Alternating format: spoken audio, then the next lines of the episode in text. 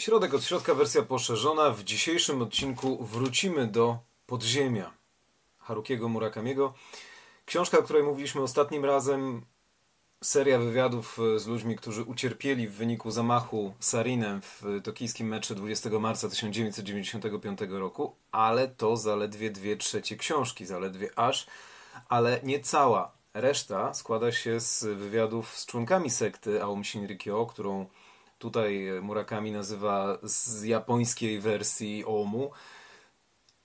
Próba zrozumienia tego, co kierowało ludźmi będącymi w sekcie, nie bezpośrednio z zamachowcami, żeby pomyśleć o tak okrutnej zbrodni. Jestem zaskoczony, jak znakomicie wielowarstwowa jest ta książka. Bardzo lubię Murakamiego, szczególnie im starsze rzeczy, tym ciekawsze i tym lepsze, im nowsze, tym moim zdaniem, ale oczywiście to rzecz gustu wyłącznie może być, tym mniej trochę kreatywnego pomysłu i wizerunku tego, co chciałby zawrzeć w książkach, może troszkę na ilość, a nie na jakość. Ale Podziemie, e, napisane w 1997 roku, jest doskonałym łącznikiem jako nie powieść, nie fikcja, ale prawda i jedyny w dorobku Murakamiego reportaż jest takim znakomitym łącznikiem między tym dobrym, co pisał wcześniej i tym kolejnym dorobkiem, który tworzył później. Mam dla Was e, trzy cytaty. Tak naprawdę cztery, ale, ale jeden można potraktować jako. Dwa można potraktować jako jeden. Ponieważ e, seria wywiadów z ofiarami wybuchu zamienia się, tutaj dokładnie sięgając po spis treści, e, część z wywiadów z ofiarami nazywa się Podziemie, ponad 320 stron. Druga część, Miejsce obiecane, która ma stron 150, to wywiady z członkami sekty. Między tymi częściami znajduje się dodatek. Dodatek, który jest praktycznie esencją tej książki. Mianowicie Murakami zamieścił tutaj coś takiego. Ślepy koszmar. Dokąd zmierzamy? Dokąd zmierzamy Japończycy? Na stronach od 298 do 319, czyli mamy mm, nieco ponad 20 stron, zawarł 7 elementów. To jest jakby zrobić taką wprawkę na studiach. Numerowane od 1 do 7. Podtytuły. Co się wydarzyło w tokijskim mecze 20 marca? Dlaczego odwróciłem wzrok od sekty Omu? Donaszane ja, narracja z przydziału. Pamięć co mogę zrobić, miażdżąca przemoc i na zakończenie podziemie. To jest jego spojrzenie na to wszystko, co zrobił wcześniej, czyli na te wywiady, na sposób, w jaki przebiegały, także coś od niego dodatkowo, na moment życia, w którym był pisząc to, moment y, bezpośrednio, w którym znalazł się, kiedy doszło do zamachu w, w Tokio, czyli co robił Murakami 20 marca 1995 roku to tak samo jak my możemy sobie przypominać, co robiliśmy 11 września, jeżeli chodzi o zamachy w Nowym Jorku, albo 10 kwietnia 2010 roku, jeżeli chodzi o Smoleńsk. Różne takie punkty wspólne dla większości osób mogą być dla nas też jakimś punktem odniesienia, co robiliśmy wtedy, kiedy coś ważnego w sposób globalny bądź nasz narodowy się zdarzyło. No i co wyciągnął z rozmów e, z jedną stroną, co go skłoniło do rozmów z drugą stroną i być może co wprowadziło go na nowe tory myślenia. To jest lepsze niż niektóre rzeczy, które Murakami napisał. Szczerze, te 20 stron zawiera więcej esencji. To jest niezwykła książka. Mówiłem w pierwszym materiale, że Murakami udowodnił po raz kolejny, że ma niezwykłe pokłady wrażliwości i takiego takiej chęci rozumienia ludzi, ale jeszcze do tego przełożenia ich opowieści, która jest cytowana niemalże, tutaj nie ma ingerencji pisarskiej, to nie fikcja. Niestety to nie fikcja, bo do zamachu doszło.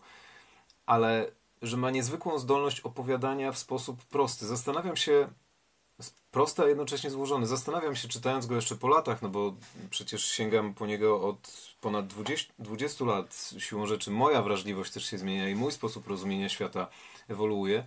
Zastanawiam się, na czym polega sedno jego pisania, bo poruszamy tutaj wielu różnych twórców i od tego, który był dla mnie pierwszym, Yukio Mishimy, przecież od czasów mniej lub bardziej starożytnych bądź nienowoczesnych, tak jak Murakami, idziemy w jego stronę.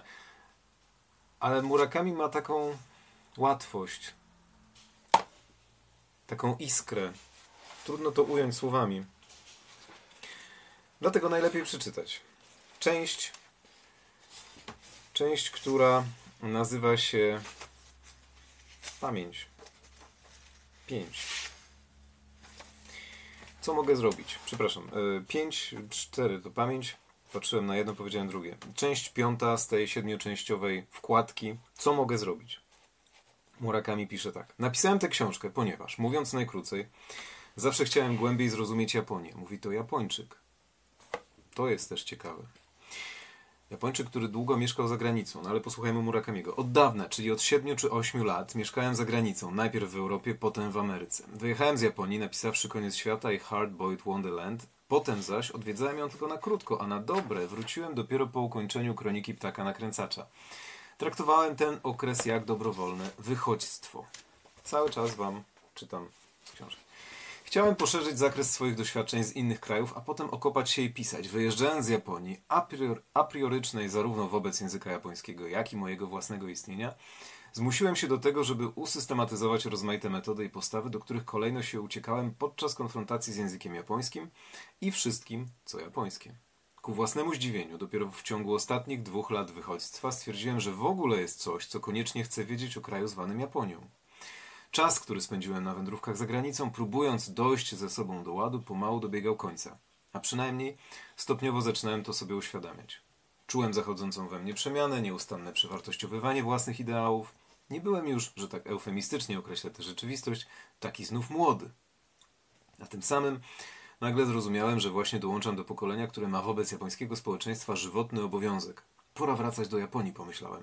Wrócić i napisać jedno rzetelne dzieło, tym razem nie powieść, żeby głębiej wniknąć w serce mojej ojczyzny, od której tak się oddaliłem.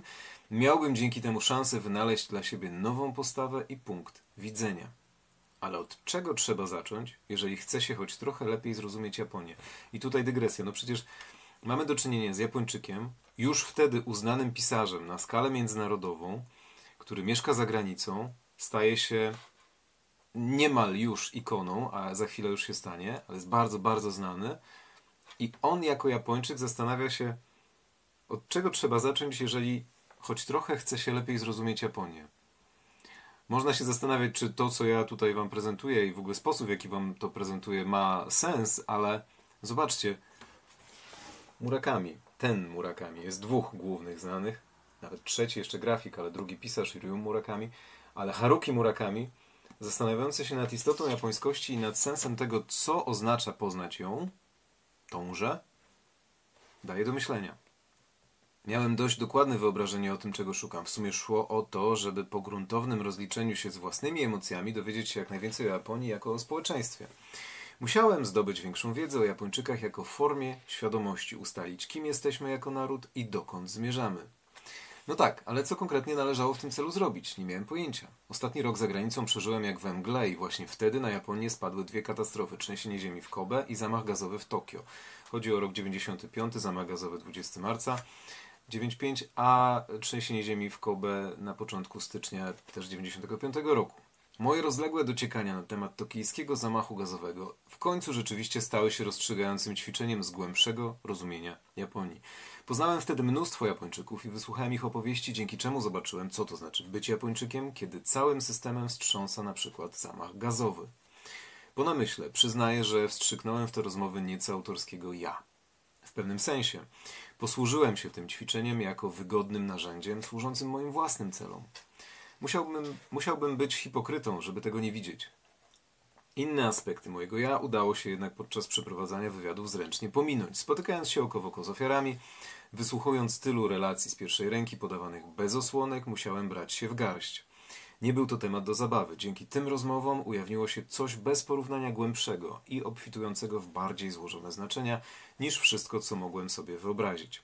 Rosnąca świadomość tego, jak mało wiedziałem przed temu zamachu gazowym, była dla mnie lekcją pokory. Wysłuchanie narracji tych wszystkich ludzi, którzy przedstawiali je rzecz jasna z naszego punktu widzenia, podziałało na mnie jako powieściopisarza uzdrawiająco. Z czasem zupełnie przestałem cokolwiek osądzać. Takie kategorie jak racja, czy błąd, zdrowie, czy choroba, odpowiedzialność, czy nieodpowiedzialność straciły wszelkie znaczenie. Dokonanie końcowej oceny i tak nie należało do mnie i bardzo mi to ułatwiało zadanie. Mogłem się odprężyć i po prostu dosłownie rejestrować cudze opowieści. Zamiast być przysłowiową muchą na ścianie, czyli wszechwiedzącym dzięki swojej niewidzialności świadkiem, stałem się pająkiem wsysającym tę masę słów tylko po to, żeby je potem w sobie rozłożyć na czynniki pierwsze i wysnuć z nich inną narrację. Zwłaszcza po wywiadach z krewnymi pana Eijiego Łady, który umarł na stacji Koden Macio i panią, to jest cudzysłowie, bo tożsamość jest y, trzymana w tajemnicy Shizuka Kasi, która nadal przebywa w szpitalu, utraciwszy pamięć i mowę, musiałem od nowa poważnie zastanowić się nad wartością swojego pisarstwa. To może, jak czyta się tak pobieżnie, może ulecieć, ale mówi to uznany pisarz opozycji międzynarodowej. Jak bardzo wyraziście mógł czytelnik odczuć dzięki dobranym przeze mnie słowom rozmaite emocje, strach, rozpacz, samotność, gniew, odrętwienie, wyobcowanie, zamęt, nadzieje, których doznali ci ludzie. Nie wątpię też, że podczas przeprowadzania wywiadów niechcący uraziłem parę osób swoją niewrażliwością, niewiedzą lub po prostu jakąś wadą charakteru. Nigdy nie byłem dobrym mówcą, więc nie wszystkie sformułowania mi się udają. Chciałbym skorzystać z tej sposobności, żeby ze szczerego serca przeprosić wszystkich, których mogłem dotknąć. Przyszedłem do nich z bezpiecznej strefy i w każdej chwili mogłem odejść. Gdyby mi powiedzieli, nigdy w życiu pan się nie dowie czego, co czujemy. Musiałbym przytaknąć. Koniec. Kropka. Jeszcze dwie strony dalej, w podrozdziale numer 6, który nazywa się Miażdżąca Przemoc, Murakami przypomina sobie, pisząc Kronikę Ptaka Nakręcacza, korzystał z y, faktów historycznych, mm, opisując mniej lub bardziej dokładne detale bitwy pod Nomonhan, to była Mongolia, e, rok 39, mało znany fragment. No i teraz. Pisze tak. Przygotowując się do pisania swojej ostatniej powieści, Kronika Ptaka Nakręcacza, gruntownie zbadałem sprawę tak zwanego incydentu w Nomonhan z 1939 roku, czyli wtargnięcia wojsk japońskich do Mongolii. Im dłużej przekopywałem archiwa, tym bardziej przerażały mnie beztroska brawura i czyste szaleństwo systemu dowodzenia cesarskiej armii. Jak to się stało, że w toku dziejów tak swawolnie przeoczono tę bezsensowną tragedię? Gdy później badałem kwestię zamachu gazowego w Tokio, uderzyło mnie to, że typowe dla japońskiego społeczeństwa zamknięcie i uchylanie się od odpowiedzialności mało się różnią od ówczesnego sposobu działania armii cesarskiej. W sumie to piechurzy z karabinami w rękach najwięcej ryzykowali i wycierpieli stanęli w obliczu najstraszliwszych okropności, a w końcu dostali najmniejsze zadośćuczynienie. Natomiast oficerowie sztabowi i wywiad uniknęli wszelkiej odpowiedzialności. Przywdziewali maski, odmawiali przyznawania się do porażki, wybielali własne potknięcie za pomocą żargonu i retoryki. Gdyby bowiem obwieszczono tak haniebną klęskę na froncie, jako dowódcy polowi zostaliby natychmiast surowo ukarani. Karą w takich przypadkach było zazwyczaj harakiri. Dlatego też sedno sprawy utajniono, jako tajemnicę wojskową i ukryto przed wzrokiem ogółu. W ten sposób niezliczone rzesze żołnierzy poświęcono w imię szalonego planu, który doprowadził na froncie do nadspodziewanie zajadłej walki na śmierć i życie. Chociaż od tamtej pory minęło ponad 50 lat, pisze w 97 roku to Murakami, Zaszokowała mnie wiadomość, że my, Japończycy, podjęliśmy tak jawnie idiotyczną akcję, a mimo to w dzisiejszej Japonii powtarzamy dokładnie takie same manewry. Koszmar trwa. I na zakończenie tego fragmentu, pominąwszy nieliczne i pobieżne badania, najwyższe dowództwo wojskowe nigdy nie przeanalizowało przyczyn naszej klęski pod Nomonhan, nie wyciągnięto więc z niej i nie przekazano dalej żadnej nauki, a kiedy w armii kwantuńskiej Paru oficerów zastąpiono innymi. Wszelkie informacje o wojnie na tym dalekim froncie skutecznie zamieniono pod dywan. Dwa lata później, czyli 41, Japonia przystąpiła do II wojny światowej, po czym obłęd i tragedia z Nomonhan powtórzyły się na masową skalę. A obłęd i tragedia pod koniec XIX wieku, w latach 70. XIX wieku doprowadziły japońską armię pod wodzą kilku zapalczywych dowódców na Tajwan, żeby się zemścić na tamtejszej ludności rdzennej, na tamtejszych aborygenach za wymordowanie większości załogi jednego z okrętów z wysp Ryukyu. XIX wiek, a tutaj 1939 i potem 41, a potem 1995 i sytuacja się powtarza. To był Murakami. A teraz dwa cytaty. Moja ściąga kieruje mnie na stronę 330. Tym razem jesteśmy na dwóch wywiadach z ludźmi, którzy byli członkami sekty. ale nie inspirując się oczywiście ich e, wrażeniami i motywami, dwa cytaty, które dają do myślenia. Pierwszy. Mocno też wątpiłem w miłość. Około 19 roku życia wiele nad nią rozmyślałem i w końcu stwierdziłem, że czysta miłość do drugiego człowieka nie ma nic wspólnego z tak zwaną miłością romantyczną. Czysta miłość nie manipuluje związkiem dla własnej korzyści, w przeciwieństwie do miłości romantycznej, która zawiera też inne składowe, na przykład pragnienie wzajemności. Gdyby wystarczyło kogoś kochać, nikt by nie cierpiał z powodu nieodzajemnionej miłości. Dopóki ukochana osoba byłaby szczęśliwa, brak wzajemności nie musiałby przysparzać żadnych cierpień. Ludzie cierpią, bo chcą być kochani. Doszedłem więc do wniosku, że miłość romantyczna i czysta miłość do drugiej osoby to dwa różne uczucia. I że pamiętając o tej regule, można złagodzić ból spowodowany nieodwzajemnioną miłością. Bardzo dużo treści jest w tym cytacie. No i druga osoba. Pytanie Murakamiego.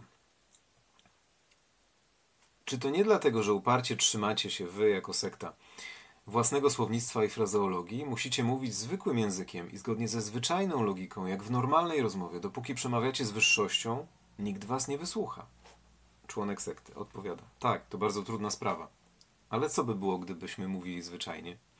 Skoro media przypuściły na nas te jednostronne ataki, nasze słowa i tak przyjęto bez niewiarą albo ze wstrętem. Cokolwiek powiemy, media zawsze to wypaczają.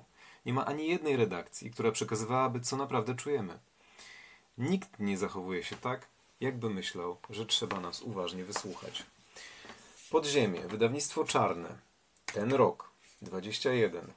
26 lat po zamachu, 24 lata po napisaniu tej książki przez Murakamiego. Niezwykła rzecz. Obszerna, lekka w czytaniu, ciężka w zawartości. Najlepiej byłoby, gdybyśmy w ogóle nie mieli powodu, żeby o tym rozmawiać, żeby nie było tej tragedii, sekty, takich motywacji, cierpienia ludzi i, i też tego, że ludzie z sekty nie mają co ze sobą zrobić. Nigdy prawda nie leży wyłącznie po jednej stronie, tym bardziej w Japonii, kiedy fakty naprawdę zamiata się pod dywan. To przedziwne społeczeństwo, ale być może nie aż tak bardzo odmienne od reszty, na przykład od nas. Przeczytajcie to. Jeżeli nie wiadomo od czego zacząć z Murakamim, albo nie jest się specjalnie fanem powieści, chociaż Murakami prezentuje nowe i tak spojrzenie na powieści, które potrafi wciągnąć nawet tych, którzy nie przypadają za takiego rodzaju myśleniem, no to tutaj mamy jedno z drugim. Wrażliwość Murakamiego, jego wyobraźnię, ale z drugiej strony brak konieczności używania, bo wszystko już zostało napisane i wyjątkowy reportaż. Człowiek, który po prostu przychodził albo z magnetofonem, albo z ołówkiem, kiedy nie pozwolono mu nagrywać i spisywał. Podziemie. Oryginalny tytuł Underground bardzo, bardzo ciekawa książka Harukiego Murakamiego o tragicznych wydarzeniach z 20 marca 1995 roku, czyli jednej chwili albo kilku chwil, kiedy symultaniczny atak na kilka linii metra, kilka wagonów metra w tokijskim systemie spowodował gazem bojowym sarin, spowodował tragedię odczuwalną do dziś. Dzięki za uwagę.